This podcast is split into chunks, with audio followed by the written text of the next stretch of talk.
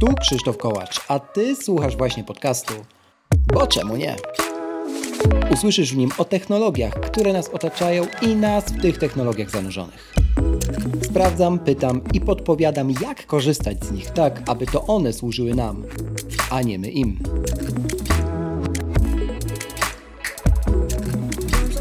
W dzisiejszym odcinku moim i Twoim gościem jest Michał Mynarski. Dotykamy tematu krypto, blockchaina, NFT, przyszłości, która już zapukała do naszych drzwi i którą trzeba zrozumieć. Zanim zaczniemy, proszę zostaw opinię na Apple Podcast lub na Spotify. Twój głos ma znaczenie. Zaczynamy!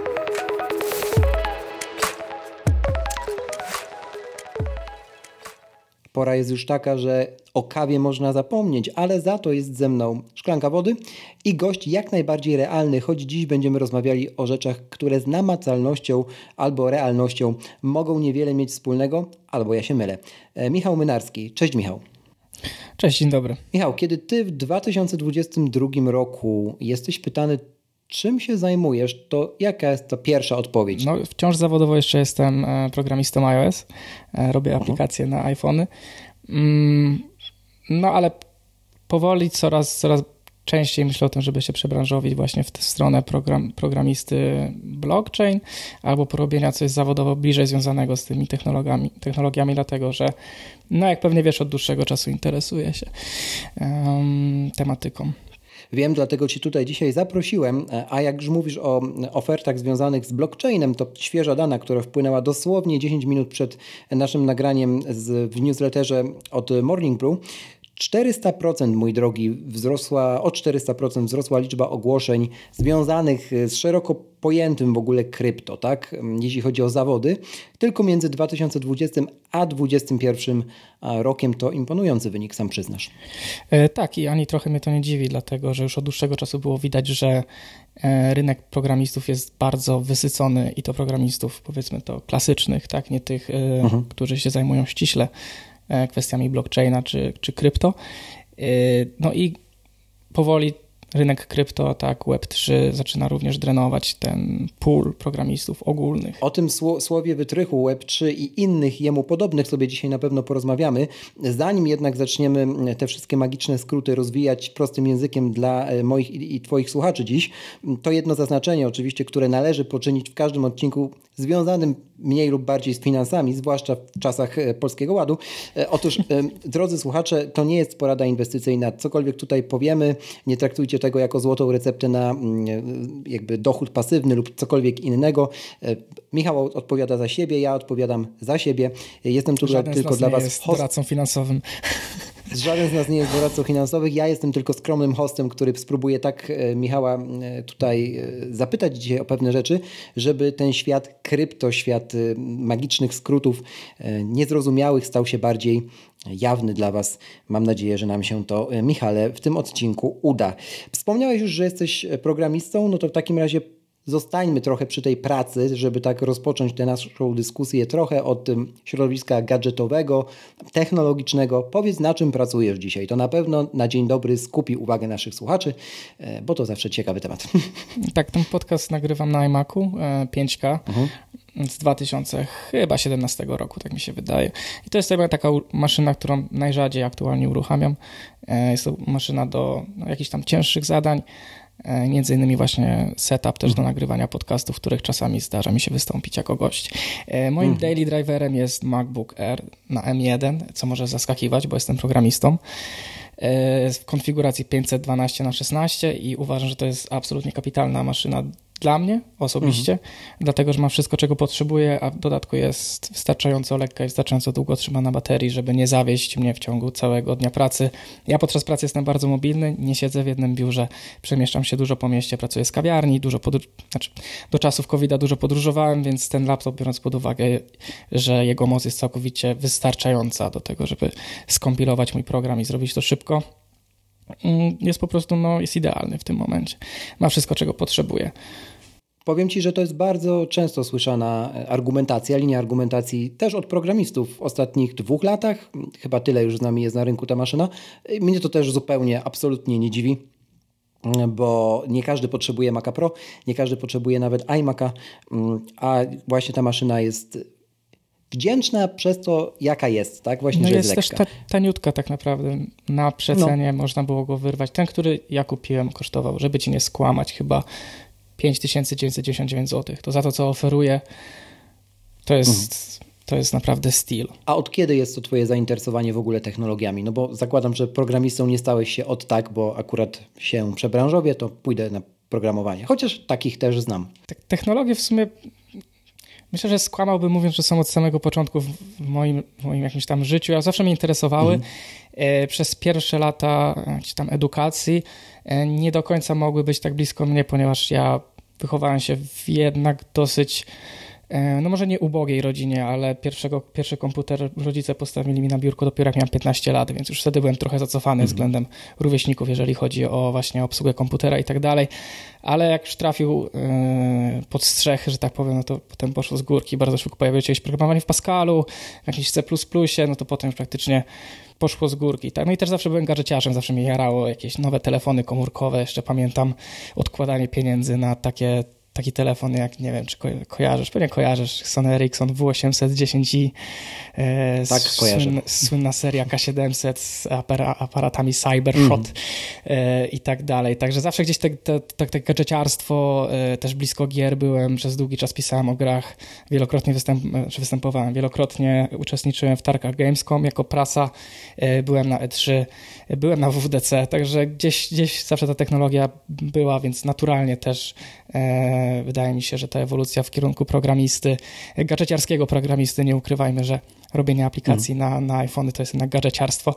E, także wszystko to się spina właśnie wśród, zresztą na pewno też kojarzę, że swego czasu pisywałem sporo na temat smartfonów, tak, długoletnie występy na komórkomanii, etc., etc. Nawet moja praca inżynierska była o telefonach komórkowych, o procesorach, także jak sięgasz już tam pamięcią tamtych czasów, to nie mogę nie przywołać, zresztą robiłem to już w ostatnim wydaniu e, newslettera The Menu Bar, gorąco zresztą polecam e, to wydanie, nie mogę nie przywołać Siemensów, do których kupowało się takie dopinane tak, kamery. Tak, tak, tak. też pamiętam. Tak, tam za kilkadziesiąt złotych, wcześniej pewnie kilkaset, żeby zrobić zdjęcie, no dzisiaj powiedzielibyśmy, że to zdjęcie robione pralką, aczkolwiek rzeczywiście te, te czasy były... No, no ale od, czegoś, z... od czegoś zaczęliśmy, tak? To chyba były tak, C6 65, takie z miały pomarańczową klawiaturą. Tak, to było tak, miały... coś pięknego, tak, tak no zgadzam się. To, to było coś pięknego. Tak się zastanawiam jeszcze o tej granicy wieku, o której przez chwilę wspomniałeś. Mm, granicy wieku, kiedy y, dotykamy komputerów. Nie? Dziś mówi się dużo o wykluczeniu cyfrowym, które zresztą jest wielkim e, problemem. E, po pandemii trochę się drgnęło w tym temacie, ale jednak niewystarczająco. I myślę, że dzisiaj już nie jest tak, że my się rodzimy, ani nie jest tak, że się rodzimy z tymi gadżetami, że każdy, każde dziecko rodzi się z komputerem, bo to by było spore uogólnienie. Nie jest też tak, że jakby no, tych komputerów super y, brakuje, tylko tu jest właśnie całości pogrzebany ten problem, bo bardzo trudno jest zidentyfikować, gdzie rzeczywiście tego dostępu nie ma, a gdzie on jest za wczesny albo może czasem za późny, nie? Bo wiesz, cały czas się też bronimy, żeby jednak chronić te, e, e, te dzieciaki jak najwcześniej, żeby nie, nie wchodziły w ten, w ten cyfrowy świat. Ja posiadam 7, 7 lat młodszego brata mam, którego chciałbym serdecznie pozdrowić. Um, miałem taką właśnie przemyślenie, jak miałem 25 lat, no to on miał 18 i gdzieś tam na wakacje byłem w domu i Aha. I no jakby z siłą rzeczy na przykład widziałem, z kim on się tam zadaje i co, co, co jego 18-17-letni rówieśnicy robią i wtedy pierwszy raz uderzyło mnie coś takiego, że pierwszy raz widziałem pokolenie, które... Mm, wychowała się ze Snapchatem w ręce, z Instagramem w ręce, bo jak myśmy, myśmy dorastali, znaczy moje pokolenie dorastało, tak jestem 92, no to, no to myśmy widzieli rozwój iPhone'ów, tak, widzieliśmy świat przed iPhone'ami, widzieliśmy jak, jak iPhone'y zmieniają świat, widzieliśmy jak aplikacje zmieniają świat, jak Instagram i Facebook zmieniają świat. Myśmy dorastali w pewien sposób, e, znaczy w pewien, po prostu dorastaliśmy z tymi, z tymi medium i one rosły razem z nami. I tym bardzo ciekawym doświadczeniem było po prostu spojrzenie, jak te dzieciaki płynnie poruszają się w tym świecie, ponieważ one one nie znają świata przed tym. Po prostu telefon w ręce to jest ich główne narzędzie. E, I drugie takie spostrzeżenie, pamiętam jak podróżowałem po Azji, to było w 2017 roku i potem 2019, e, szczególnie w tych takich w biedniejszych regionach, nie jakieś przedmieścia Bangkoku, czy, czy górzyste tereny wokół Chiang Mai w Tajlandii, czy chociażby środek dżungli w Laosie i człowiek najciekawsze było zobaczyć ludzi, którzy prawdopodobnie nigdy już nie będą umieli obsługiwać mm. komputera z Windowsem, ale są zajebiście biegli w posługiwaniu się telefonem, ponieważ oni nie, nigdy nie mieli okazji siąść przed kompem, ponieważ ten kraj był za biedny, żeby ludzie, żeby większość ludzi posiadało laptopy, które dla nas były codziennością, już nie mówiąc o krajach za, e, zachodnich, ale tam popularność i dostępność tanich telefonów chińskich, mm. tak jak Oppo czy Xiaomi i tak dalej, i Androida na nich pozwoliło dać im do ręki technologię, w której oni są biegli i pomimo tego, że całkowicie pominęli tą część z komputerami.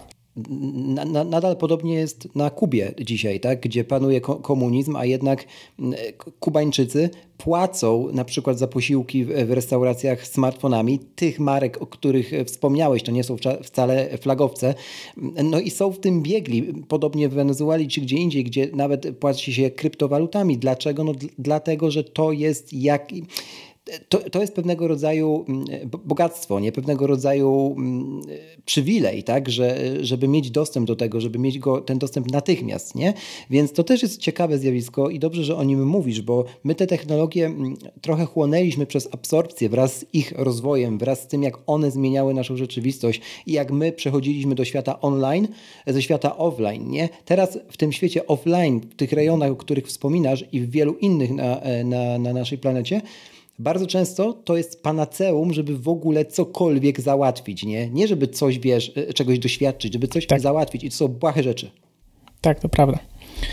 E, I też często po prostu nie doceniamy my jako ludzie na zachodzie tego, jak e, dużo mamy względem takich rzeczy jak właśnie bankowość, dostęp do stabilnej waluty. I często nie doceniamy tego i nie rozumiemy, jak bardzo dużą tragedią jest dla kogoś żyć w kraju, w którym takich rzeczy nie ma, ale myślę, że o tym możemy porozmawiać już podczas rozwijania kwestii krypto i tak dalej, i tak dalej. Dobrze, to powiedziałeś słowo klucz tego odcinka, więc skąd w ogóle zainteresowanie krypto u Ciebie, rynkiem kryptowalut?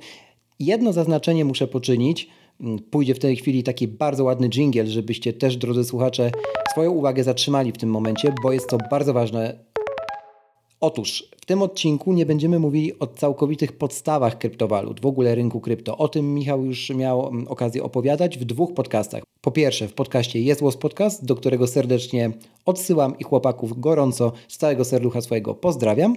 Zalinkuję w opisie do tego mm, odcinka oraz w podcaście Echa Rynku Stowarzyszenia Inwestorów Indywidualnych, gdzie Michał Masłowski, którego też serdecznie pozdrawiam, przepytał Ciebie, Michał, dwóch imienników się wówczas spotkało, o kwestię związaną z inwestowaniem w kryptowaluty, już takim fachowym e, też e, językiem.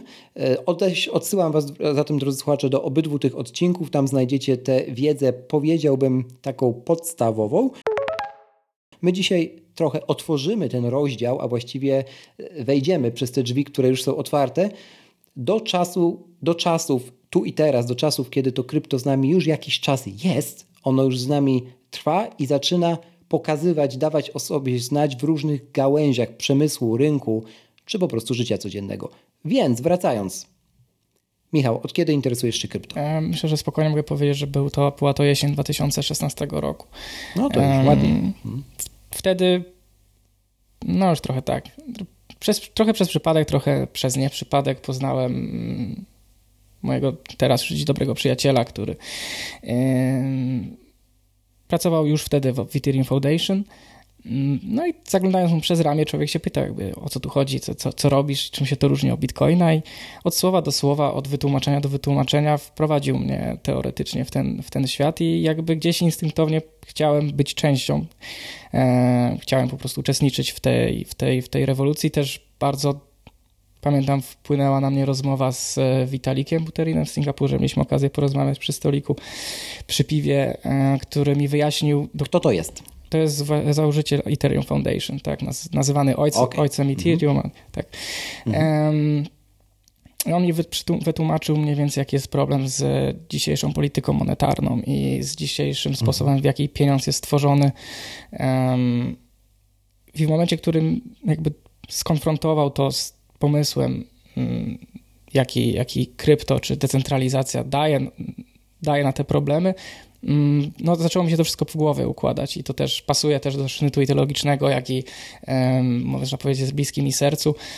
I potem już po, poszło z górki zainteresowanie kolejnymi projektami, jakie problemy próbujemy rozwiązać, e, jakie problemy mają ludzie na świecie, które faktycznie krypto może pomóc prze, przeskoczyć, ułatwić, tak jak mówiłem, właśnie są miejsca na świecie, gdzie, gdzie, gdzie nie ma czegoś takiego jak stabilna waluta. Chociażby możemy powiedzieć przykład z tego roku, to co się dzieje z Lirą, mhm. absolutny kolaps e, i to taki, możemy go oglądać na żywo i tam już wiemy e, z doniesień, że z doniesień prasowych, że no krypto tam jest e. bardzo popularne właśnie, właśnie przez to, że waluta, twoja główna waluta, którą, za którą kupujesz w sklepie jest coraz mniej warta, więc uciekasz do rozwiązań, które dają ci jakąś namiastkę bankowości i stabilności waluty. I to może, może zabrzmieć śmiesznie, ale faktycznie dla nich nawet bitcoin, który jest silnie zmienną walutą w czasie, e, może być bardziej stabilny.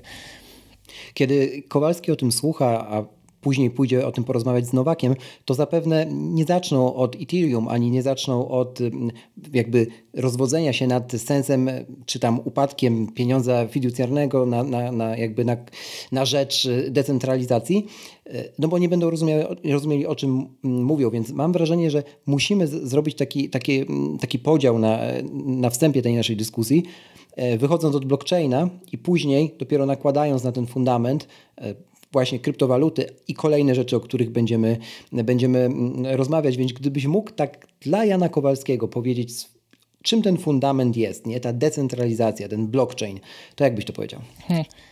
Myślę, że najprościej to powiedzieć w ten sposób. Blockchain pozwala na przetwarzanie transakcji, których przetwarzanie teraz oddajemy encjom centralnym, tak jak mhm. bank centralny, czy takie jak Visa. Y, oddajemy w ręce społeczności w ręce węzłów, tak, które te transakcje prze, przerabiają. I przez to mm, mamy z góry określoną e, emisję, w tym wypadku bitcoina, e, mamy z góry określone zasady gry mm, oraz rozdzielania tokenów, przez co największą zaletą blockchaina jako technologii jest to, że jest odporna na cenzurę, odporna na manipulację jednej hmm. encji. Myślę, że najlepszym przykładem manipulacji e, jednej encji możemy teraz powiedzieć, że jest na przykład Adam Glapiński i sposób, w jaki rządzi Radą Polityki Pieniężnej. Pozdrawiamy. E, pozdrawiamy serdecznie. Blockchain próbuje odpowiedzieć e, na, na, na ten problem, oddając po prostu oddając władzę nad, nad kreacją asetów w ręce po prostu społeczności. Zresztą warto powiedzieć, że ideą, która przyświecała Satoshiemu Nakamoto, mm, było, była próba odpowiedzi na, po pierwsze, była próba stworzenia pieniądza e, używanego, peer-to-peer pieniądza używanego w sieci, ale również jedną z motywacji było naprawa fundamentów tego, co zawiniło podczas kryzysu mhm. 2008 roku i sposobów, w jaki z tego kryzysu e, wychodziliśmy, czyli poprzez dodruk pieniądza, e, zalanie wręcz rynków finansowych pieniądzem, e, przez co no, zubożenie większości społeczeństwa.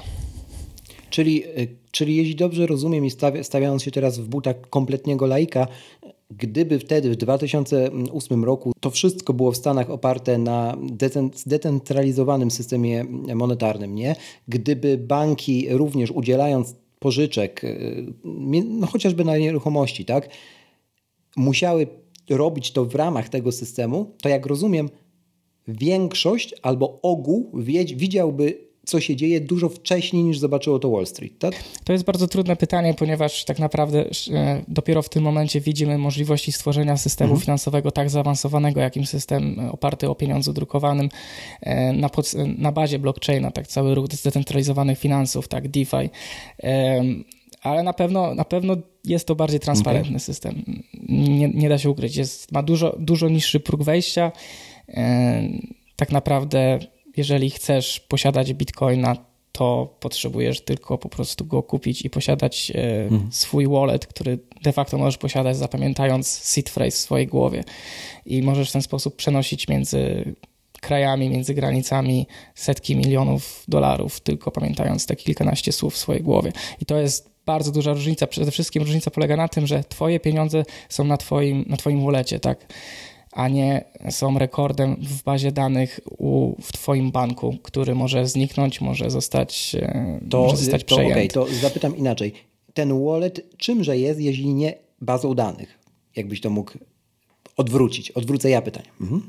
E, można powiedzieć, że Bitcoin jest zdecentralizowaną bazą danych, co do którego stanu w każdym momencie każdy uczestnik sieci się zgadza. Czyli jeżeli ja jestem uczestnikiem sieci, ty jesteś uczestnikiem sieci i ja mam 10 hmm. dolarów, ty masz 5 dolarów, to w każdym momencie w, e, w każdym momencie w historii my się zgadzamy co do tego, który z nas ile ma. Jeżeli ja ci wyślę 5 dolarów, e, to oboje musimy się zgodzić i wszyscy, którzy patrzą mhm. na nas i wszyscy, którzy uczestniczą w tej sieci, muszą się zgodzić co do tego, że ty masz e, teraz 10 dolarów, a ja mam 5 dolarów. To, o czym wallet jest, to jest kluczem odblokowującym środki, co do który, które każdy wie, że istnieją pod tym adresem, ale tylko ja, ja mając ten, e, ten klucz, mogę je przesunąć. Okej, okay, to jest jasne. Rozumiem, że w takim razie, jeśli jeden jego mość lub jego mościni buntuje się i powie, że jednak wtedy zgodził się lub zgodziła się, że ty te środki masz, ale teraz zmienia zdanie, to nadal je masz. Natomiast Tutaj nie ma e, ochrony przed wyjęciem tak zwanej wtyczki. Tak? Jeśli ktoś wyjmie wtyczkę kiedyś od internetu, to również no nie obronimy tego, tak?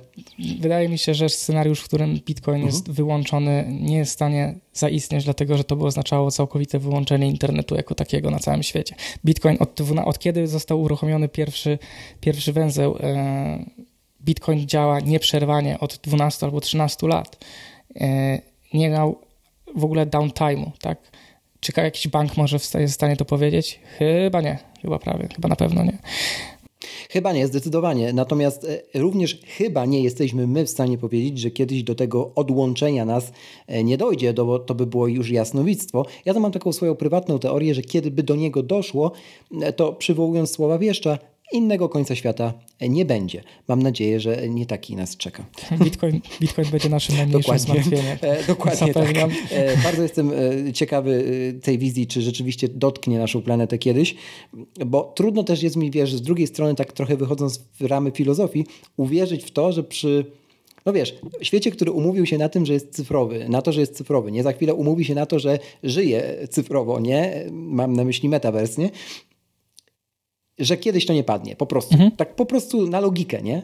E, no ale to jakby nie temat na ten odcinek.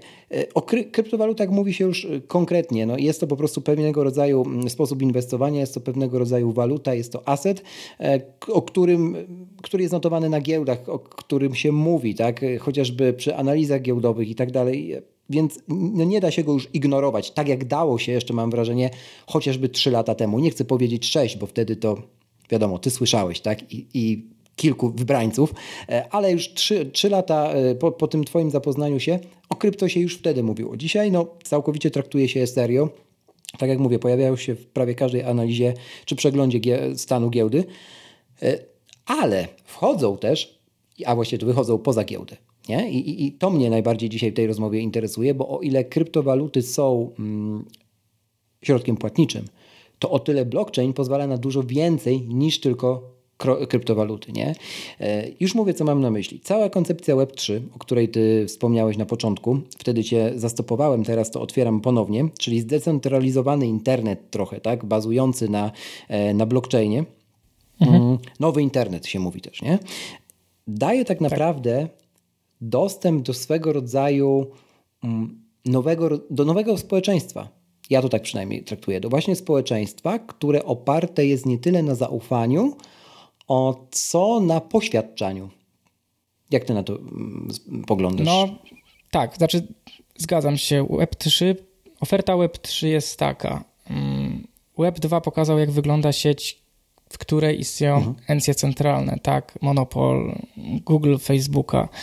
E, Web 1 Apple dawał. I tak dalej. Mhm. Tak, Apple i tak dalej. Web, Web 1 tak dawał propozycję, żeby każdy posiadał swój własną, swoją własną stronę i tam publikował swoje własne rzeczy, ale dosyć szybko się okazało, że nie każdy chce posiadać swoją własną stronę, nie każdy chce się babrać w kupowanie domen, stawianie hostingu i tak dalej. Web, Web 2 E, wyszedł naprzeciw tym oczekiwaniom, bo okazało się, że możesz po prostu założyć sobie konto na Twitterze, na Facebooku i masz swoją stronę na Twitterze no i Facebooku i możesz publikować, masz swojego LinkedIna, na którym możesz się chwalić swoimi osiągnięciami zawodowymi, ale jednocześnie wystawił nas na gigantyczny problem centralizacji, e, braku prywatności, e, harvestingu danych.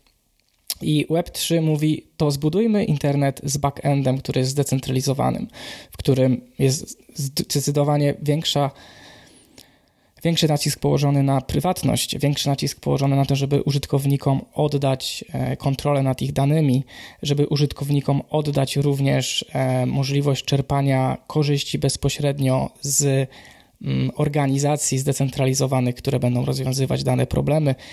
I jednocześnie pokażemy, że jest to mądrzejsze i lepsze niż scentralizowane encje takie z monopolistycznymi czy czasami wręcz autorytarnymi zapędami, jak, jakimi moim zdaniem bez wątpienia jest mhm. na przykład Facebook.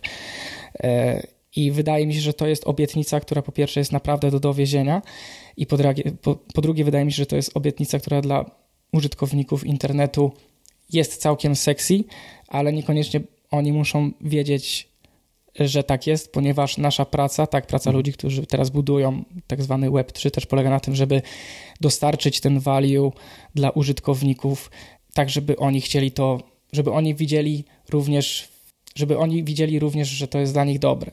Czyli my podmieniamy backend na coś bardziej zdecentralizowane, ale użytkownik musi dostać to samo usability, musi dostać możliwość, nie wiem, przenoszenia swojej reputacji między platformami społecznymi, tak? Na to na przykład pozwala NFT.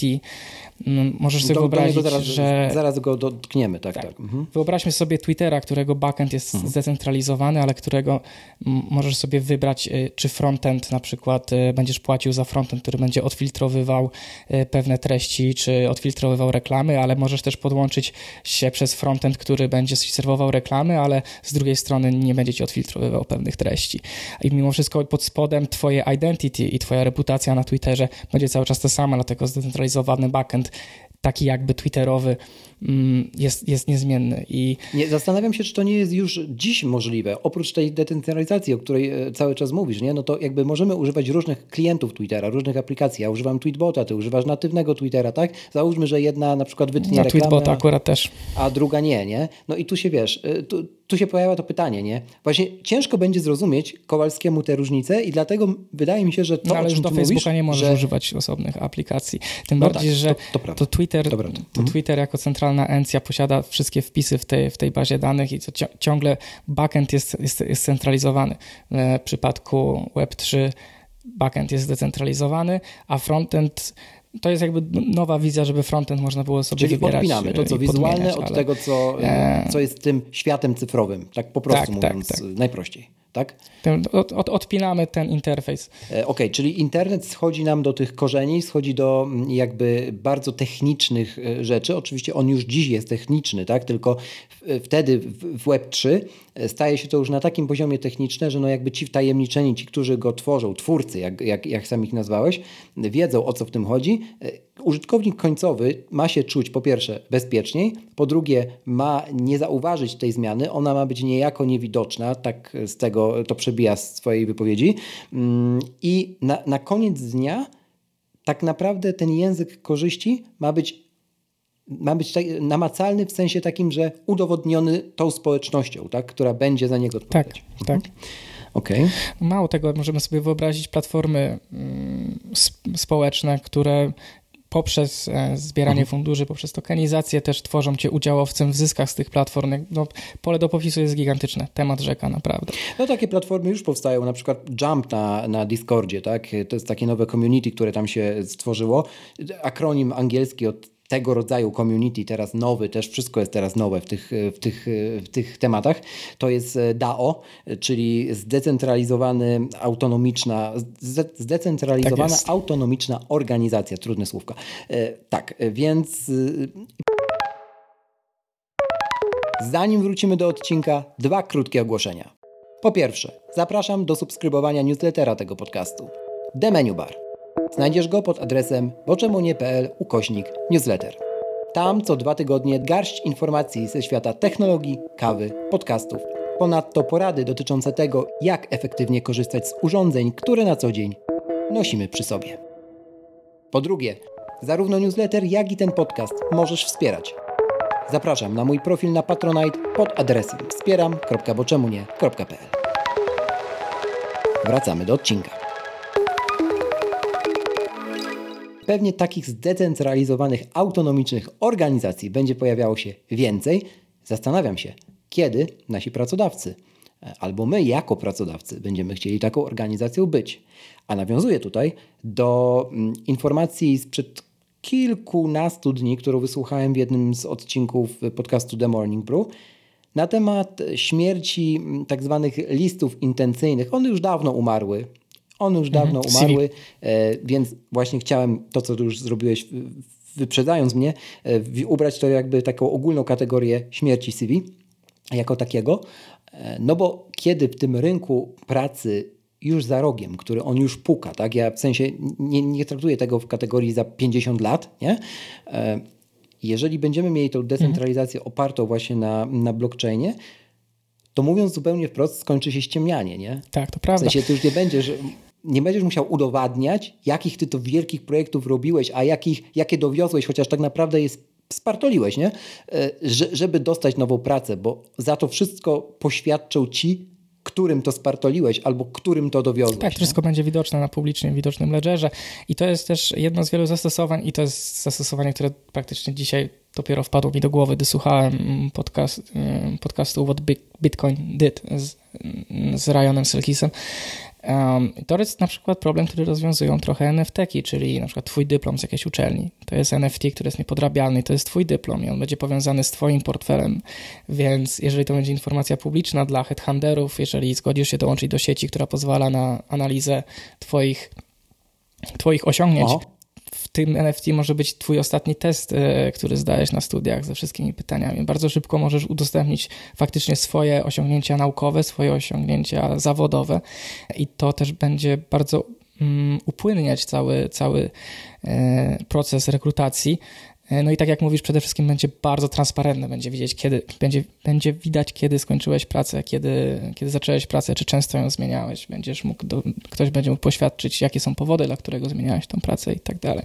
Także NFT, pomimo tego, że dzisiaj je kojarzymy z głupimi obrazkami, których w dodatku linki mogą zostać zniszczone, to jest tak zwany typ prymitywny, który będzie tworzył zupełnie nową rzeczywistość i moim zdaniem nie liznęliśmy nawet jeszcze góry lodowej. Dobra, to, po, to otwieramy tę puszkę NFT oficjalnie. E, powiedziałeś o, o tym, że to dopiero początek, na pewno nie wierzchołek NFT.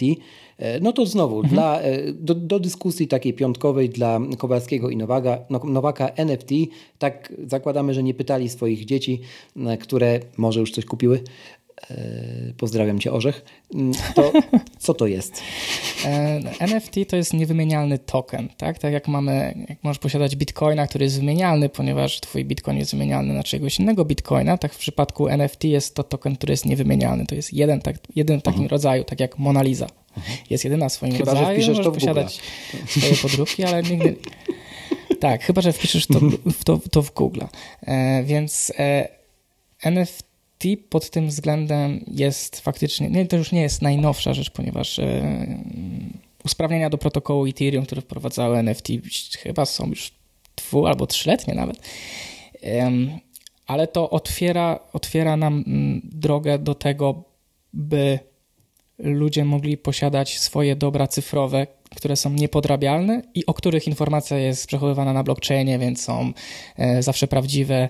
Do, dostępne ogólnie do wglądu. Dlatego to jest taki sexy pomysł na, na właśnie dyplomy, ponieważ to jest twój dyplom, tylko twój i nie... Znaczy na dyplomy rozumiem, absolutnie, absolutnie się tutaj zgadzam, bo jakby to jest taki koncept oparty o logikę. Mm, sam pamiętam ile, ile to było mm, załatwiania papier, papierologii z odpisem tych dyplomów, płacenia za tak naprawdę kartkę papieru, która równie dobrze może się utopić w kałuży. To jest jasne.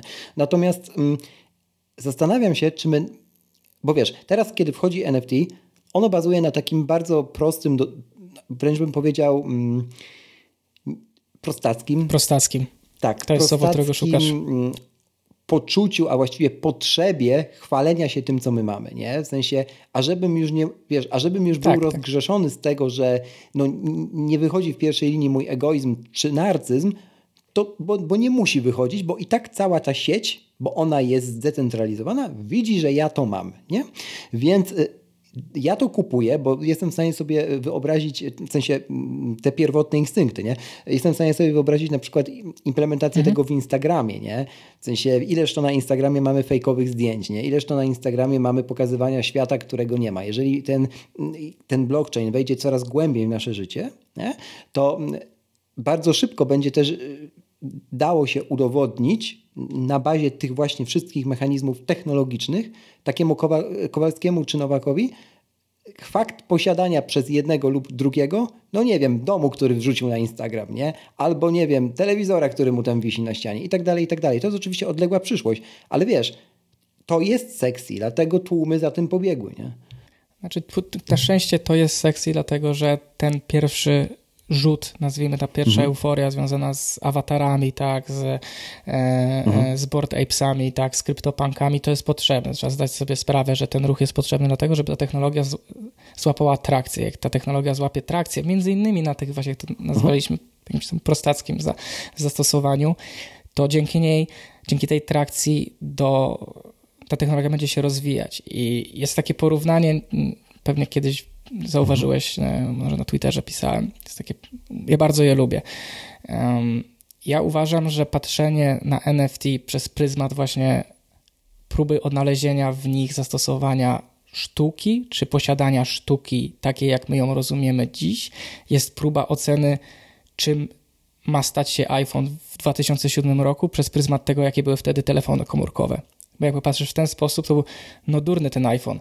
Nie ma klawiatury, ma beznadziejny aparat, wygląda jak cegła i po co ten duży ekran, nie? No bo w sumie były Nokie, które robiły część tych rzeczy, miały też Excela, mogły wysłać maila, przejrzeć neta, a do tego miały pełnoprawną klawiaturę.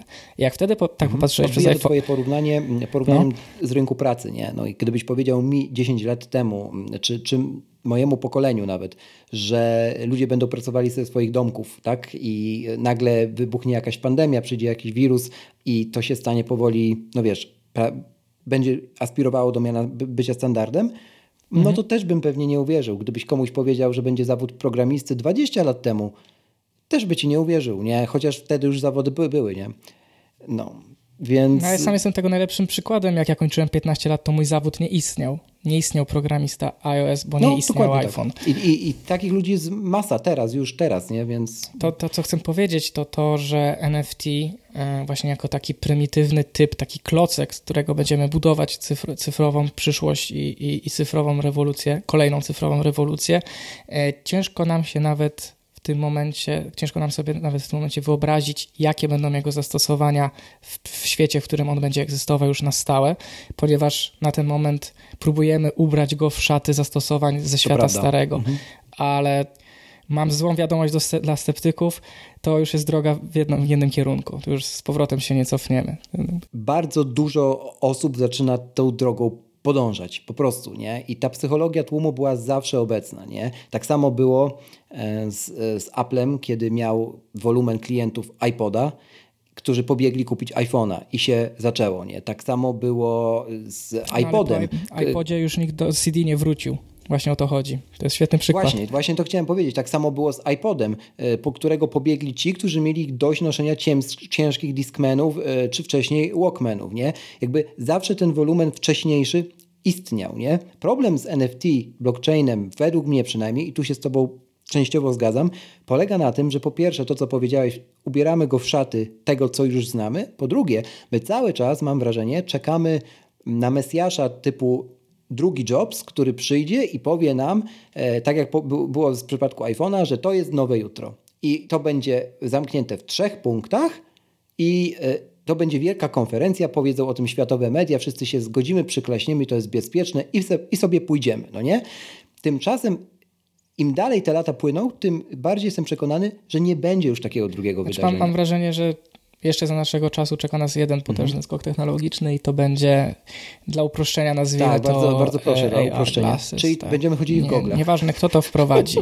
tak, zobacz jak to się pięknie, zobacz jak to się pięknie komponuje z, z ideą metaverse. Mhm.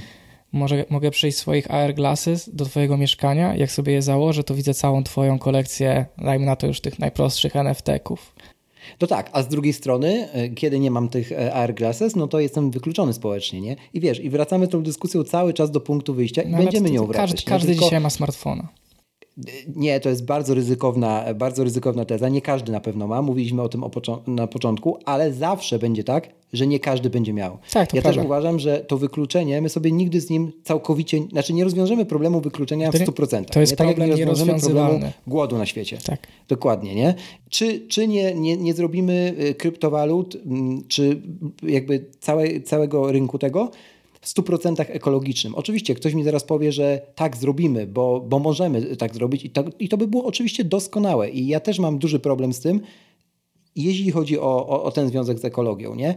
Natomiast jeśli to się upowszechni, to też musimy sobie na, na, taką skalę globalną, to też musimy sobie zdawać sprawę, gdzie jest świat, nie? W sensie świat jest już w takim miejscu, że musi coś zrobić. Bez względu na to, jak, na jaką technologię postawi, i tak będzie, nie będzie mógł zapomnieć o, o tej kwestii ratowania planety, bo jak o tym zapomni, to szkoda w ogóle efortu nastawiania na jakąkolwiek technologię, nie? Więc trochę wiesz, nie wierzę w to, że tak prywatnie, nie? Nie wierzę w to, że zapętlimy się aż tak bardzo, chociaż jesteśmy ludźmi, nie? Że, że wiesz, że no nie wiem, zniszczymy sobie planetę, bo chcieliśmy mieć zdecentralizowany system rekrutacji. Nie, ja, jest, pracy, ja jestem nie? futurystycznym optymistą i szczerze, okay. szczerze, szczerze wierzę, że do tego nie dojdzie, dlatego że dążymy do tego, żeby uchwytać i używać energię jak najbardziej wydajnie. Mhm. I jak się przyjrzysz technologiom, które teraz się rozwijają, nawet w, przede wszystkim w, w sferze krypto, tak, zmiana, zmiana modelów konsensusu z proof of work na proof of stake, jakby kluczowe chainy, kluczowe łańcuchy tak zwanego poziomu pierwszego, czyli te, na których zapada, zapadają, e, zapadają aktualnie wszystkie transakcje. Mm, Solana jest proof of stake, czyli nie, wy, nie wykonujemy pracy na kartach graficznych, tak, tylko jest inny sposób mhm. e, potwierdzania swojej pracy na rzecz sieci. Same, same kryptowaluty, które często są wykorzystywane jako sposób do um, wyrównywania wydajności e, odnawialnych źródeł energii, czyli na przykład e, magazynujemy energię pod postacią, dajmy na to bitcoina, nadwyżkę energii pod postacią bitcoina wtedy, kiedy mamy bardzo dużo paneli słonecznych, świeci słońca, wszyscy są w pracy i nikt tego nie używa, a potem uwalniamy mhm. i sprzedajemy te bitcoiny, żeby zwiększyć, żeby zwiększyć e, ekonomiczne uzasadnienie posiadania tak dużej energii, która jest zależna od warunków atmosferycznych. To jest jeden z, jeden z przykładów i to nie jest wzięty z kapelusza, ponieważ dokładnie ten przykład e, przywołuje tak. szwedzkie, szwedzkie Ministerstwo e, Energii. Co ciekawe, szwedzki bank centralny czy szwedzkie Ministerstwo Finansów uważa całkowicie na odwrót. Z, tych, z tego samego kraju masz dwie zupełnie odwrotne opi opinie. E, ale... No właśnie, bo to jest ten etap pierwszy, o którym, o którym ty cały czas mówisz i który ja też podkreślam.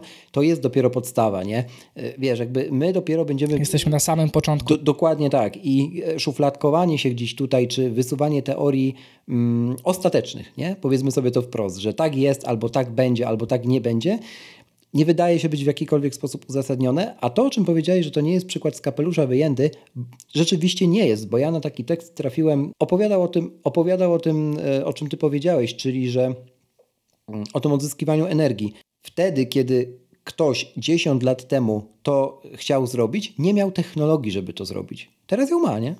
I, i tak dalej, i tak dalej. Więc takich miejsc, gdzie my, gdzie my do, wiesz, dostaniemy olśnienia, kurczę, to zrobimy blockchainem, pewnie będzie jeszcze wiele. No to dokładnie, zresztą kopalnie bitcoina, które są na przykład przenoszone w kontenerach, w takich zwykłych kontenerach, jak są na statkach. Możesz je postawić obok, e, obok odwiertów e, i metan, który normalnie leciałby atmosfery, możesz zamienić na energię i możesz napędzić, e, napędzić te koparki, jednocześnie dając ekonomiczny incentyw po to, żeby faktycznie mhm. E, dalej korzystać z tego źródła energii i zamiast metanu do atmosfery będzie lecieć e, CO2, który oczywiście również jest gazem cieplarnianym, ale metan również jest szkodliwym gazem cieplarnianym. Także no jest, jest to też temat, temat rzeka, na który warto zwrócić uwagę. Warto zwrócić uwagę na takie rzeczy jak penetracja e, całego rynku krypto mm, źródłami od, odnawialnymi. Warto zwrócić uwagę, bardzo fajnie w ogóle tutaj serdecznie polecam Mesari Crypto Thesis 2022 napisane właśnie przez Ryana. Polecam przeczytać. To jest 2200 stron, 146 stron gołego tekstu i tam jest właśnie e, bardzo dobry rozdział o tym, co Chiny zrobiły ze swoim sektorem kopania bitcoina, który swoją drogą był solą w oku e, samej nawet społeczności krypto, dlatego że po pierwsze tam była bardzo duża część, e, bardzo duża część kopaczy, przez co oni mieli bardzo duży bardzo duży lewar na całą sieć, ponieważ posiadasz tak dużą część hash rate'u, że twoje ewentualne zachcianki mogą powodować zaburzenia działania sieci. Tak scentralizowała się, scentralizował się Bitcoin, kopanie Bitcoina bardzo w Chinach i oni w zeszłym roku praktycznie skasowali swój bardzo duży udział do, no oficjalnie do zera, tak, bo e, Cambridge e, publikuje raport, który raz na jakiś czas podsumowuje skąd się bierze większość hash rate'u i można powiedzieć, że w ciągu kilku miesięcy zjechali z dwucyfrowych e, wartości procentowych do zera oficjalnie. Nieoficjalnie mówi się, że gdzieś tam pod radarem działa od 5 do 15%. Także. I to był bardzo duży problem, ponieważ kiedy w Chinach nie było tak pory deszczowej, tak, to, to tam bardzo dużo było jednak kopanego, kopanej bitcoina na, na węglu w Syczuanie między innymi. Cały czas, bez względu na to, jak głęboko nie będziemy sięgać, będziemy to jakoś oceniać. Nie? E, będziemy jednych nazywać frajerami, drugich nazywać, e, wiesz, prawie ubiegającymi się o to, o to, o to miano, a jeszcze innych, innych nazywać bogami, którzy nie, nie, nie bali się i nagle, nagle e, jakby są, nie wiem, uwolnieni finansowo na przykład. I Przykładem jest Kuba z Twittera. Mm, ja podlinkuję oczywiście cały ten wątek, którego to okradziono na, na zabawie z krypto. To prawda. Nie chcę tego całego przywoływać, bo to nie o to tutaj chodzi, ale e, na pewno podziwiam za odwagę, że w ogóle tą historią się podzielił.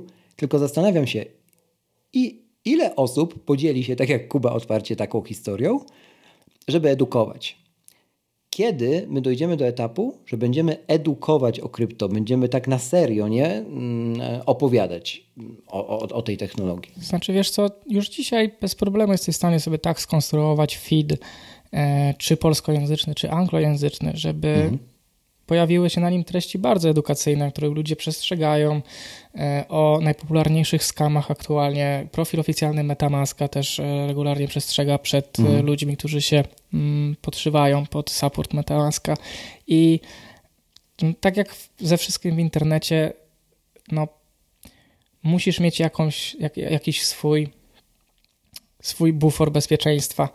E, I po pierwsze, Kuba akurat znam osobiście i tutaj niesamowity szacunek za to, że się podzielił tą historią, głównie dlatego, że no, błędy, które popełnił, są trochę proste, jak na osobę, która jednak na internecie się zna i to Kuba sam przyznaje. E, mm, mhm poza tym błędem, w którym wysłał na nieodpowiednią sieć, znaczy moim zdaniem to jest bardzo duża, duży błąd po stronie UX-a yy, giełdy, z której wysyłał te pieniądze, że pozwoliła na coś takiego, ale to są właśnie, to jest ten problem e, wieku dziecięcego tej technologii. Jakby tutaj gramy o duże... Początków, tak. Tak, tutaj gramy mhm. o duże nagrody i tutaj są też duże straty.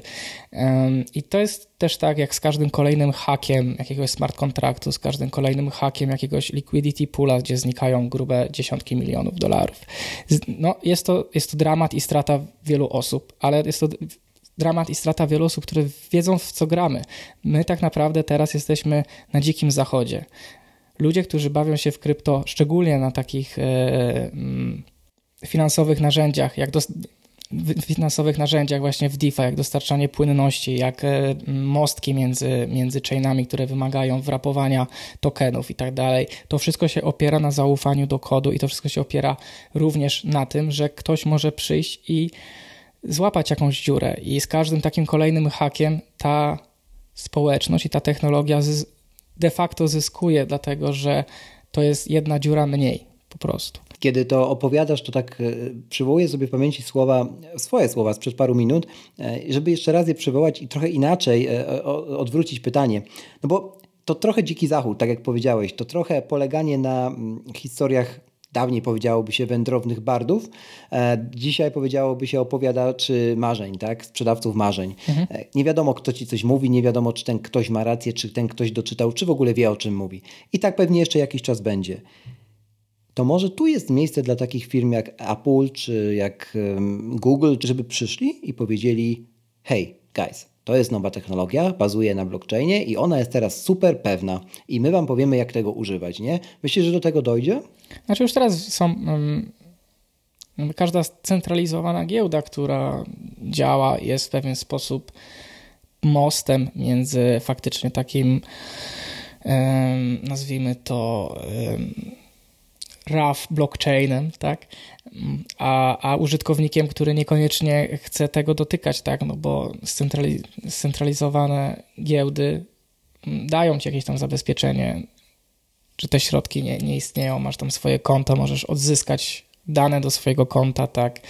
E, nie jesteś sam swoim własnym bankiem, bo trochę oddajesz tego, tego custody, oddajesz trochę zewnętrznej firmie, która wierzy, że to robi profesjonalnie. I nawet nie wiem, czy jest sens, mhm. szczerze powiedziawszy, żeby takie Apple czy Google się na tym pochylało. Znaczy, oczywiście oni się pewnie w pewnym momencie pochylą, no teraz Google chyba coś dosłownie, jak, jak mhm. kilkanaście minut przed tym, jak zaczęliśmy nagrywać, był puszczony news, że chce zamoczyć swój paluszek również, również w, tym, e, w tym rynku. Mm, no ale są takie platformy jak BlockFi, e, są takie platformy jak Gemini, które praktycznie dają ci bardzo duże spektrum e, instrumentów finansowych, czy jak Coinbase, które pod spodem mają krypto, mm, ale dla przeciętnego Kowalskiego są trochę jak bank, więc to już jest. Nie? Pytanie, jak bardzo into rabbit hole chcesz pójść jako użytkownik, jeżeli jesteś zaawansowanym mm -hmm. użytkownikiem, jeżeli jesteś, jeżeli masz ochotę faktycznie eksperymentować z tą technologią, jeżeli jesteś jak Unixiarz w latach 80., pole do popisu jest bardzo szerokie, tak? E, ale jeżeli chcesz po prostu mieć fajny, nie wiem, yield i chcesz mieć zalokowane pieniądze i zdywersyfikowane portfolio, no to raczej idziesz do tak zwanego TradFi, tak, czyli do tradycyjnych finansów i szukasz jakiejś platformy, która łączy te dwie rzeczy i edukuje. Na przykład Akademia Binance bardzo dobrze edukuje na temat tego, czym są kolejne instrumenty finansowe na krypto.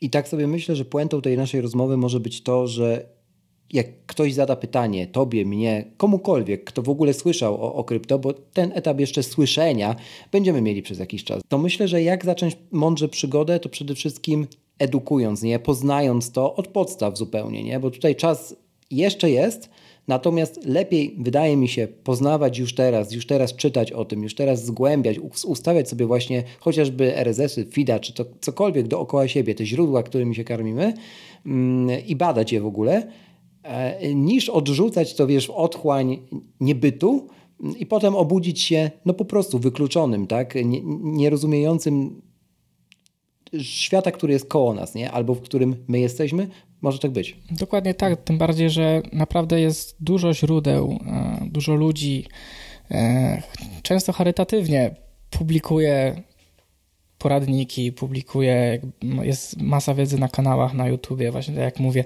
jest dużo podcastów, jest Bankless, jest właśnie e, What Bitcoin Did, e, jest Ryan Selkis i cały, cały zespół Mesari, którzy mm, pracują też i blisko komentują sprawy zmiany regulacji, tak, przestarzałych regulacji dotyczących rynku, rynków finansowych, e, tak, całej komisji SIC względem tego, żeby w ogóle uwzględniła, e, jak bardzo zmie, zmie, zmieniły się aktywa poprzez e, cyfrową rewolucję. Źródeł jest naprawdę dużo. Na pewno nie warto wskakiwać w ten rynek na gorąco. Też jednym z wniosków z historii Kuby smutnym jest to, że do, do pośpiech jest fatalnym, fatalnym, e, mhm. fatalnym mhm. doradcą, tak? Mm, ale i to też wydaje mi się, że bardzo dobrym podejściem jest zmiana mindsetu z myślenia o krypto i NFT jako o e, bańce spekulacyjnej i inwestowaniu e, w tulipany i głupie JPEGi, jako o technologię, która mhm. za kilkanaście, ale już zaczyna się, będzie będzie backendem nowego internetu i będzie backendem nowej finansowości i tokeny jako takie będą sposobem rozliczania się i przenoszenia środków wewnątrz usług, które dzisiaj wydaje się nam, że są za darmo, a tak naprawdę są dużym kosztem, dużym kosztem naszej prywatności albo już ściśle finansowo zubażania nas poprzez inflację i poprzez, nie wiem, bańkę na setach, takie jak nieruchomości, a to już jest zupełnie inna rozmowa. Michał, myślę, że ta bańka tulipanowa, o której wspomniałeś, późniejsza, mieszkaniowa, i kolejne bańki, które jeszcze przed nami mm, będą się działy i, i się już wydarzyły, dlatego analiza wsteczna zawsze skuteczna. dokładnie. pozostając, w temacie, pozostając w temacie inwestowania, można sobie sprawdzić, e, jakie ryzyka, jakie straty ponoszono na, na inwestowaniu w krypto, e, na indeksach, które są notowane na giełdzie normalnie, do tego jest dostęp przecież, E, a żeby tych błędów nie popełnić, właśnie zgłębiać, zgłębiać i jeszcze raz zgłębiać tą swoją wiedzę mm, i podchodzić do tego jak do technologii, tak myślę, puentując już ostatecznie, a nie jak do, do zła, mówiąc zupełnie wprost w czystej postaci, e, bo tak już parę razy w historii podchodziliśmy do różnych rzeczy. No a teraz z tą naszą codziennością, czy złą, czy nie, to już zostawiam do oceny Wam, drodzy słuchacze. Michał, bardzo, bardzo Ci dziękuję. Na koniec powiedz jeszcze, gdzie Cię można znaleźć w ogóle, bo Ty jesteś takim człowiekiem, który czasami się e, odezwie, raczej częściej niż rzadziej, Tak, jak się do tak. niego zagada, no to pochwal się. E, znaczy głównie najprościej łapać, łapać jest mnie na Twitterze. E, link będzie podany, chociaż ostatnio jestem trochę mniej aktywny. Tak jest. To z powodów osobistych, ale e, jeżeli ktoś ma jakiś problem, czy chce się poradzić, proszę śmiało pisać. E, nawet jeżeli nie odpisuję kilka dni, na pewno wrócę w końcu z odpowiedzią. Potwierdzam. Mhm. Podam też maila Krzyśkowi, żebyście, żeby, żeby, jeżeli ktoś jest zainteresowany różnymi aspektami tego, o czym rozmawialiśmy, żeby przedstawić, jak najbardziej też będę mówił. Super, to jeżeli pozwolisz, to mm, tego maila też zalinkuję w opisie do tego odcinka i celowo nie wymienimy tych wszystkich e, trudnych, skomplikowanych źródeł, które e, wymieniłeś bezpośrednio w linkach, e, właśnie po to, żebyście, jeśli chcecie, sami je zgooglowali. Niech to będzie taki pierwszy schodek do, do pogłębienia wiedzy też w temacie krypto. Myślę, że będzie to dużo, dużo efektywniejsze. No i niech tak się też stanie. Dzięki Michał jeszcze raz. Dzięki Do wielkie. następnego razu. Raz jeszcze, na koniec, żeby nie umknęło. Przypominam, zostaw w Apple Podcast oraz na Spotify taką liczbę gwiazdek, jaką uznasz za stosowne. Do usłyszenia w kolejnym odcinku, a za dziś bardzo dziękuję.